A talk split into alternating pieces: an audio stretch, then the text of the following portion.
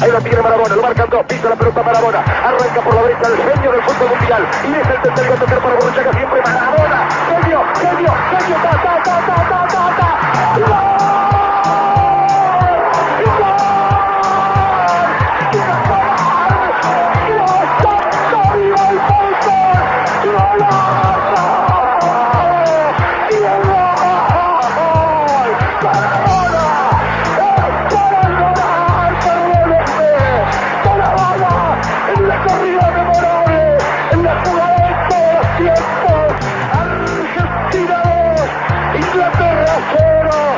¡Gol!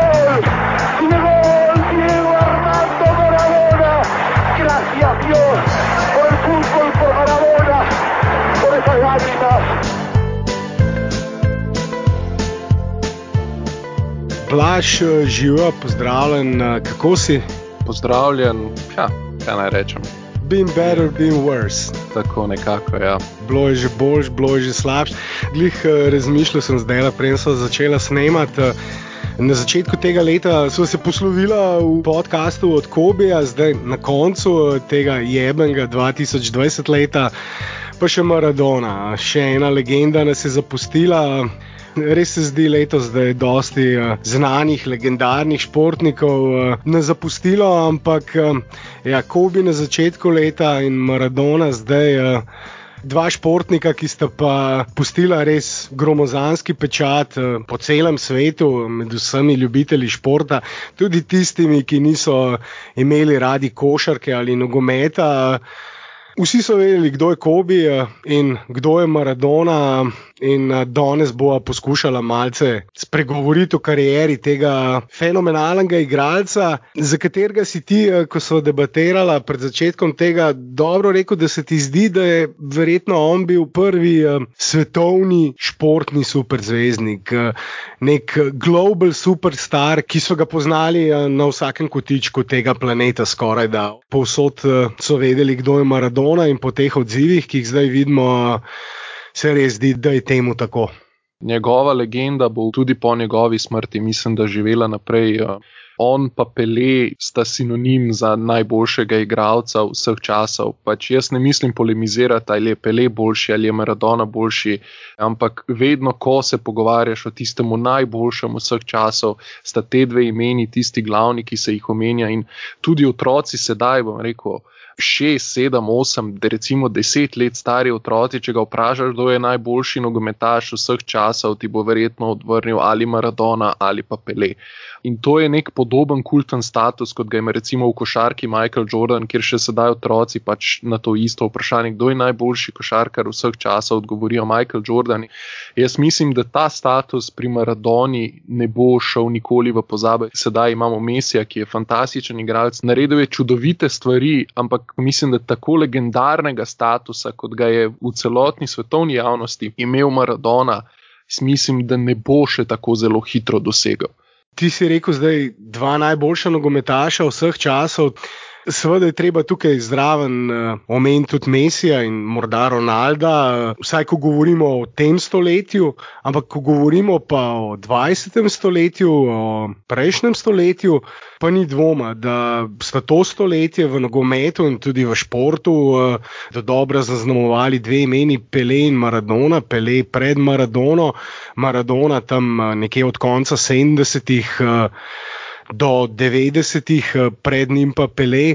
Tako kot si ti rekel, eh, med navijači se zdi, da obstaja konsens. In eh, ko je pred 20 leti FIFA izbirala najboljšega nogometaša zadnjega stoletja, 20. stoletja, je Diego Maradona takrat eh, po glasovanju navijačev na spletu bilo eh, glasovanje, po različnih državah so imeli tudi organizirana glasovanja in je Maradona takrat eh, z naskokom zmagal. Mislim, dobil je 54 odstotkov vseh glasov za najboljšega nogometaša 20. stoletja, na drugem mestu je bil pa Pele z 19 odstotki, na tretjem pa Eusebio z nekaj več kot 6 odstotki. Vsaj tako so recimo recimo pred 20 leti menili navijači in očitno pri njih ni bilo dvoma. Pri strokovnjakih in novinarjih, ki so takrat glasovali, je pa Pele zasedel prvo mesto, na drugem je bil legendarni Alfredo Di Stefano in na tretjem Maradona. Maradona in Pele sta pa edina, ki sta bila med prvo trojico ali pa med prvo peterico na seznamu navijačev in seznamu novinarjev in nekdanjih uh, nogometašev. Tako da res glede tega se zdi, da obstaja konsens in po reakcijah, ki jih zdaj lahko vidimo po celem svetu, uh, reakcijah, ki prihajajo iz celega sveta na spletnih omrežjih, lahko vidimo posnetke uh, žalovanja, predvsem seveda iz Argentine, ampak tudi iz Napolija in pravzaprav povsod. Reakcije znanih športnikov, ne samo nogometašev, košarkarjev, ogromno NBA igralcev. Videl sem eh, tudi včeraj, da so skoraj da vsi igralci Mavericksov eh, tvitnili svoje sožalje in eh, žalost ob tej novici, in to seveda ne preseneča. Ne na zadnje, ko si omenjal Kobija, tudi Kobi je bil zelo velik uh, ljubitelj Maradone in je dejal, da takrat, ko je živel v Italiji, da je v bistvu spremljal nogomet ravno zaradi Maradone in da je pač navijal za Napoli zaradi Maradone. Kobi je rekel, Maradona je bil moj idol, ko je odraščal. Mislim, je zanimiva tudi zgodba Maradone. Rekel, on je iz neke revne družine, ker v Argentini je to bilo nekaj v bistvu stalnega za igralce v tistem času, da so prihajali iz revnih družin. Zelo zanimiva zgodba je, da je on prišel na trening eh, Argentinijo Juniors, to je bila prva ekipa, za katero je on igral tam pri osmih letih in je bil takrat kazal take sposobnosti nogometne, da mu niso verjeli, da je star le osem let in je mogel pokazati osebno izkaznico, kjer je pisal, da pač je star samo osem let. Zato ker so ga hoteli dati malo više kategorije igrače. No, in potem je on v tistih mladinskih selekcijah začel, in v tistem času, ko je on bil tam v mladinskih selekcijah, so imeli neko tako noro, noro cifro nepremagljivosti, nekih um, 136 tekem brez uh, poraza so v tej seriji z njim naredili. No, potem je pa pred 16. rojstnim dnevom zaigral za člansko ekipo Argentinijo Juniorso, kjer je igral v bistvu od 76 do 81 let in v tem cajtu prispeval 115 golov na 167 tekmah. Potem je pa 81 leta prestopil v njegov najljubši klub v Boko Juniors, kjer je pa v bistvu ostal samo eno sezono. No. V tem času je na 40 tekmah dosegel 28 golov. Potem je pa sledila ta selitev v Evropo, k Barceloni, kjer je za takrat rekordnih 3,5 milijone evrov prestopil, tam ostal v bistvu samo dve sezoni. In potem odšel v Napoli, kjer pa se je začela 84. leta, posebno druga zgodba. V Napoliju se je potem začela v bistvu legenda o Maradoni, eh, vsaj kot svetovnem fenomenu on je imel status fenomena že tudi prej. Bom rekel, že temu priča dejstvo, da ko ga je Napoli kupil takrat za 5 milijonov evrov, je on priletel na stadion s helikopterjem in na stadion je bil nabito poln. 75 tisoč navijačev je bilo na tribunah, eh, so upili njegovo ime in v bistvu on je kult osebnosti začel že s prvim dnem, ko je stopil na stadion Napolija. Takrat je pa res zasijala ta njegova zvezda, ker eh, Napoli pred njim ni bil nič posebnega in uh, on ga je v bistvu potem dvignil na posebno nov nivo. Z njimi je osvojil uh, UEFA in pokal, kar je zdaj neka enačica lige prvakov. Tudi dva naslova serije A je osvojil. To, kar je on v bistvu naredil z Napolijem, ni od takrat naprej niti prej, niti po njem ni nihče naredil takega uspeha za tako ekipo, kot je bil to sposoben takrat narediti Maradona in to daje njegovemu kultnemu statusu še večjo težo. Mislim, ne na zadnje v Napoliju sedaj uh, jokajo za njim enako kot joka celotna Argentina. Mislim, on je tam res heroj, bil in bo in uh, mislim, ne na zadnje tudi Napoli je že sporočil, da bodo svoj stadion San Paolo preimenovali v stadion Diega Maradone. Tako da če to ne pove veliko o njegovem statusu, potem ne vem, kaj pove. Ja, njegovi uh, klubski in reprezentančni uspehi v 80-ih govorijo sami zase, so dovolj zgovorni in uh, na zelenici je dosegel vse, kar en igralec lahko, poleg njegovih uh, igralskih dosežkov pa seveda še njegovo zasebno življenje in ta dualnost eh, Maradone kot globalnega superzvezdnika, bed boja na nek način eh, izven zelenic, na drug način svetnika, ki je vedno organiziral razne dobrodelne akcije in se vedno posvečal revnim, ker je sam izhajal iz zelo revnega okrožja in revščine.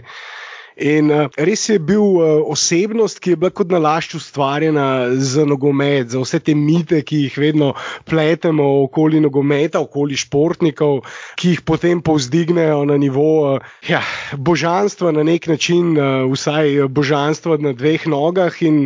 Maradona je to v Argentini in Napolju, pa verjetno pri mnogih navijačih po svetu, vsekakor bil. Vse samo spomnimo se tiste tekme 86 let, pač ne moremo jim tiste tekme in uh, božje roke. Na tisti tekmi je dejansko pokazal to dualnost. Po eni strani je dosegel gol z roko, za katerega se nikoli ni upravičil, nikoli ni priznal, da bi naredil karkoli narobe. In še vsakeč, ko so ga vprašali, glede tizga, je pač rekel: Pa ja, če grd izraz upravim, ja, nategnil sem sodnika in pač ratalje. Celo v enem intervjuju z um, Gerjem Linekerjem. Uh, ki je igral na tisti tekmi za Anglijo, je dejal, da pač enostavno v Argentini je to pač večkrat probo in da ene parkrat je pač ratal in potem je probo tudi, tudi na svetovnem prvenstvu.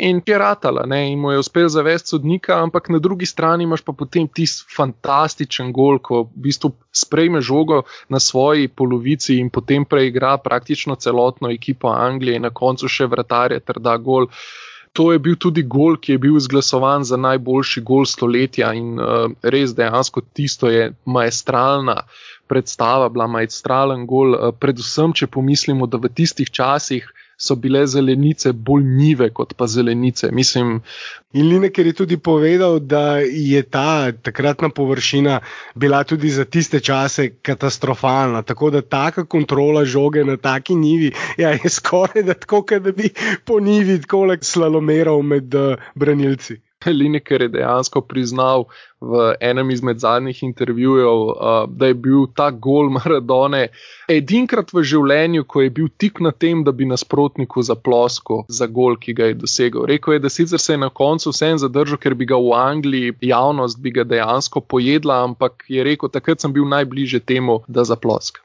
In Maradona je bil igralec, ki je to doživel večkrat. Namreč to, da so mu nasprotna občinstva, nasprotni navijači na najbolj um, divjih uh, stadionih po Evropi uh, zaploskali ob mojstrovinah. Uh, zdaj so po njegovi smrti na družbenih mrežah zaokrožili vsi mogoči posnetki in sem videl nek posnetek uh, tekma med Barcelono in Crveno zvezdo na začetku 80-ih. Uh, 95 tisoč ljudi, če se ne motim, na Beograjski Marakani in uh, vsi uh, so vstali in zaploskali po čudovitem lobu, s katerim je premagal uh, Golmana. Ja, ne pozanimo tudi 83 let, ko so realovi navijači zaploskali Maradoni. Mislim, da realovi navijači ploskajo nogometašu Barcelone. Mislim, to se je zgodilo zelo, zelo, zelo, zelo, zelo malo krat. In mislim, da na zadnje, ko se je to zgodilo, se je to zgodilo ko je igral za Barcelono še Ronaldinho, ampak eh, pred Maradono in po Ronaldinju se to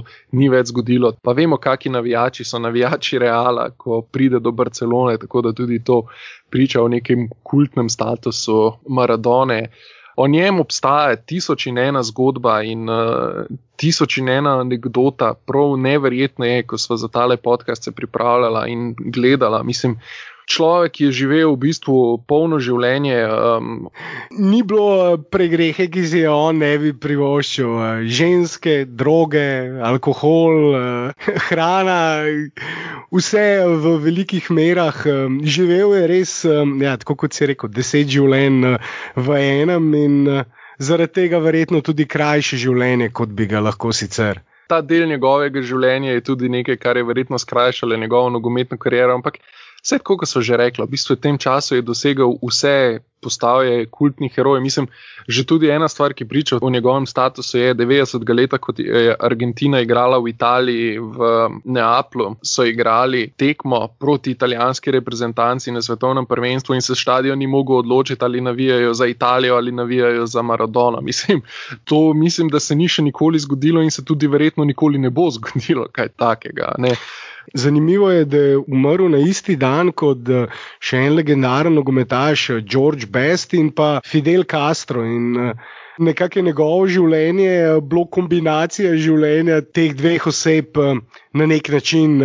Bil je res Ja, fascinantna oseba. Čeprav je zunaj imel tako, recimo, temu nešportno življenje, ampak jaz bom rekel, da ta njegova genialnost, žoga je bila nekaj, kar je k njemu pasalo. On ni bil najhitrejši, ni bil najmočnejši, ni bil najbolj eksploziven, ni bil najbolj skočen, ampak ko je on dobil žogo v noge, je pač to bila čist ena druga poezija. In on je tudi zaradi tega si v bistvu lahko na nek način prvoščil tak stil življenja, ker on dejansko ni rado biti vrhunski atlet, da je bil čarovnik na igrišču. In vračam se nazaj k temu Linekerju, ampak on je recimo razlagal, da se je igral neko. Neko dobrodelno tekmo, kjer je bilo angliški igralci proti svetu, in on sam je igral za reprezentanco, ne reko, ajh sveta, zato ker je takrat igral za Barcelono. In je razlagal, da je Maradona vzel žogo, pržongliral na sredino igrišča, in potem je brcnil žogo v zrak, pa jo ustavil, pa jo nabil nazaj gor, pa spet počakal, da je padla, pa nabil nazaj in to je naredil 13 krat. In v tem cajtu se je rabo premaknil, zato da je žoga nazaj ujel največ 2 do 3 metre, je rekel ampak nabil zrak z vso silo. Z vso silo. Podar, da je žoga šla ne vem, neverjetno visoko, ne, ni, ni se on malce, ni brcakal malce, ampak brcnil z vso silo in potem ja, sprejel žogo praktično na mesto, se je vrnila nazaj gor. In, uh, o, in on je to ponovil 13 krat. In zdaj kaj je tukaj fascinantnega pri tej zgodbi, da je rekel Lineker, da so oni potem v Barceloni na treningu probali to narediti. In da največ, kar jim je ratal, je bilo trikrat, in že ta tretjič so v bistvu že kar v velikem, velikem loku lovili tisto žogo, kam bo letela. In on je rekel, da to je bilo tako nepojemljivo, in vsak, ki je kdaj profesionalno igral nogomet, oziroma vsaj. Malo bolj rekreativno ve, kako zelo težko je izvesti en tak manever, kaj pa še le to, da ga izvedeš 13krat eh, zapored. In uh, res um, fascinanten je bil no, um, s svojim pregledom, s svojim tehničnim sposobnostmi, kako je zadrževal žogo. Mislim, noro, res noro, noro. In um, najbližje temu v tem trenutku pride Messi, lahko potegnemo neko to paralelo, ampak jaz mislim, da je, kar se tega tiče, celotna persona in celoten, bom rekel, karizma, ki jo ima Maradona, jaz mislim, da je on še vedno boljši nogometaš od Messija, vsa ta mitologija, ki je spletena okoli Maradone, a veš, eno je tisto, kar obe argentinski legendi počneta na zelenici, sta počela na zelenici, kar smo videli v igri, to so ene stvari, potem pa, ko dodamo Maradoni še vso to mitologijo, ki se je spletla okoli njega, ta globalni fenomen, vse te zgodbe, zdaj so jih tam par omenila, jih je pa tako, kot se je rekel, milijon, ta čar, ta magija, vse to ta dualnost, eh, da je bil v enem svetnik in grešnik, eh, dober in slab, eh, da se je zavedel svojih slabosti po eni strani, ampak po drugi strani še vedno počel neumnosti, nekako ujet v to človeško naravo, ki pa v bistvu v vsakem človeku na nek način, ampak pri njemu pa seveda vse to potencirano do skrajnosti, in uh, tako potem seveda dobimo neko larger than life osebnost, kot bi rekli, uh, večji od tega življenja in legende. Ja, živega Boga dejansko. Dios, zato se ga je prijel vzdevek Bog v Argentini. Uh, Ga ne kličejo drugače kot Bog, in za njih je Bog na dveh nogah, božanstvo. In o takih ljudeh, ravno takih ljudeh, ki so tako človeški, eh, ki imajo te skrajnosti vse dobro in slabo. Eh, in ki se s temi napakami tudi soočajo, jih priznavajo, o njih govorijo. Take ljudje ponovadi tudi eh, množice najraje spremejo. Najmanj pa seveda tiste hinavce, ki se delajo, da so popolni. In to mislim, da je tisto, kar je bilo pri Maradoni. Eh, dobro, da pač on ni nikoli eh, se delal, da je popoln. Vedno je priznaval svoje napake, govoril o njih in se jih zavedal. Zdaj, kakšne lekcije lahko iz tega potegnemo. Vem, to je pa verjetno že za kakšen drug podcast. Jaz sem eh, malo bolj vajen kakšnih eh, bolj striktnih analiz, kot takih bolj eh, ontoloških debat, ali kako bi rekel, blaš. Ja, nekaj tazga. Ja. O Maradoni lahko govoriva ure in ure, mislim tudi o tega, kako je delal eh, svoje soigralce boljše. Mislim, on je takrat z Argentino 86 let, pač ne smemo to pozavati, da tista ekipa, ne vem, če si lahko na prste ene roke naštel res tiste vrhunske igralce. Tudi potem 90 let ni bilo nič kaj pretirano bolje. Mislim, on je dejansko tam pripeljal vsaj na papirju bistveno slabšo reprezentanco od uh, tistih favoriziranih, potem do naslova prvaka. Mislim, že to je tisto, kar mu daje kultni status. Da je to tudi zadnji naslov Argentine, res je bil unikum v nogometnem svetu, tako ali drugače. Bil je super zvezdnik, tudi pri vseh teh letih je še vedno, kjerkoli se je pojavil, se je trlo novinarjev, navijačev, vsi so ga želeli videti, mislim, kult osebnosti do popolnosti. Res je, Blaž, o tem bi lahko govorila še dosti časa, lahko bi eh, še par ur, mislim. Da življenje take osebe, kot je bil Maradona, tako kratek podcast, ne dela pravice. Želela so samo spregovoriti eh, tako par besed. Eh, o tem izjemnem športniku, ki je seveda na vse ljubitelje športa pustil pečat, ne glede na to, ali so ga spremljali ali ne. In, Noč, Blaž, hvala, da si si vzel čas. Ja, pač taki legendi se dejansko treba pokloniti, tako da za take stvari imam vedno čas. Bi pa tale podcast zaključil um, z izjavo Diego Armanda Maradone, mislim, da je bilo to nekje leta 2004-2005, vse v bistvu niti nima veze. Takrat je Diego posnel nek avto intervju in je v bistvu sam sebe vprašal, kaj bi si napisal na nagrobnik, če bi umrl, in je dal naslednjo izjavo hvala, ker sem lahko igral nogomet, saj mi je ta šport dal največ veselja in svobode, kot da bi se dotaknil neba z rokami. Po zaslugi žoge, da, na nagrobnik bi si zapisal: Hvala žogi. Temu nekaj dodajati, eh, hvala Blaž eh, in eh, se upam, da kmalo zopet slišal v novem podkastu. Ja, in upam, da z bolj veselimi temami. To pa nedvomno upamo, ja, ker mislim, da je tole leto vzelo že dovolj dobrih ljudi in je skrajni čas, da se leto in pa izgubljanje dobrih ljudi konča. Ampak ja, da ne bom jaz uh, spet preveč uh, v kakšno metafiziko zapadel in uh, druge teme, živo blaš. Adijo. Que decir unas palabras en el cementerio Maradona, ¿qué le dirías? Gracias por haber jugado al fútbol. Gracias por haber jugado al fútbol. Gracias a la pelota.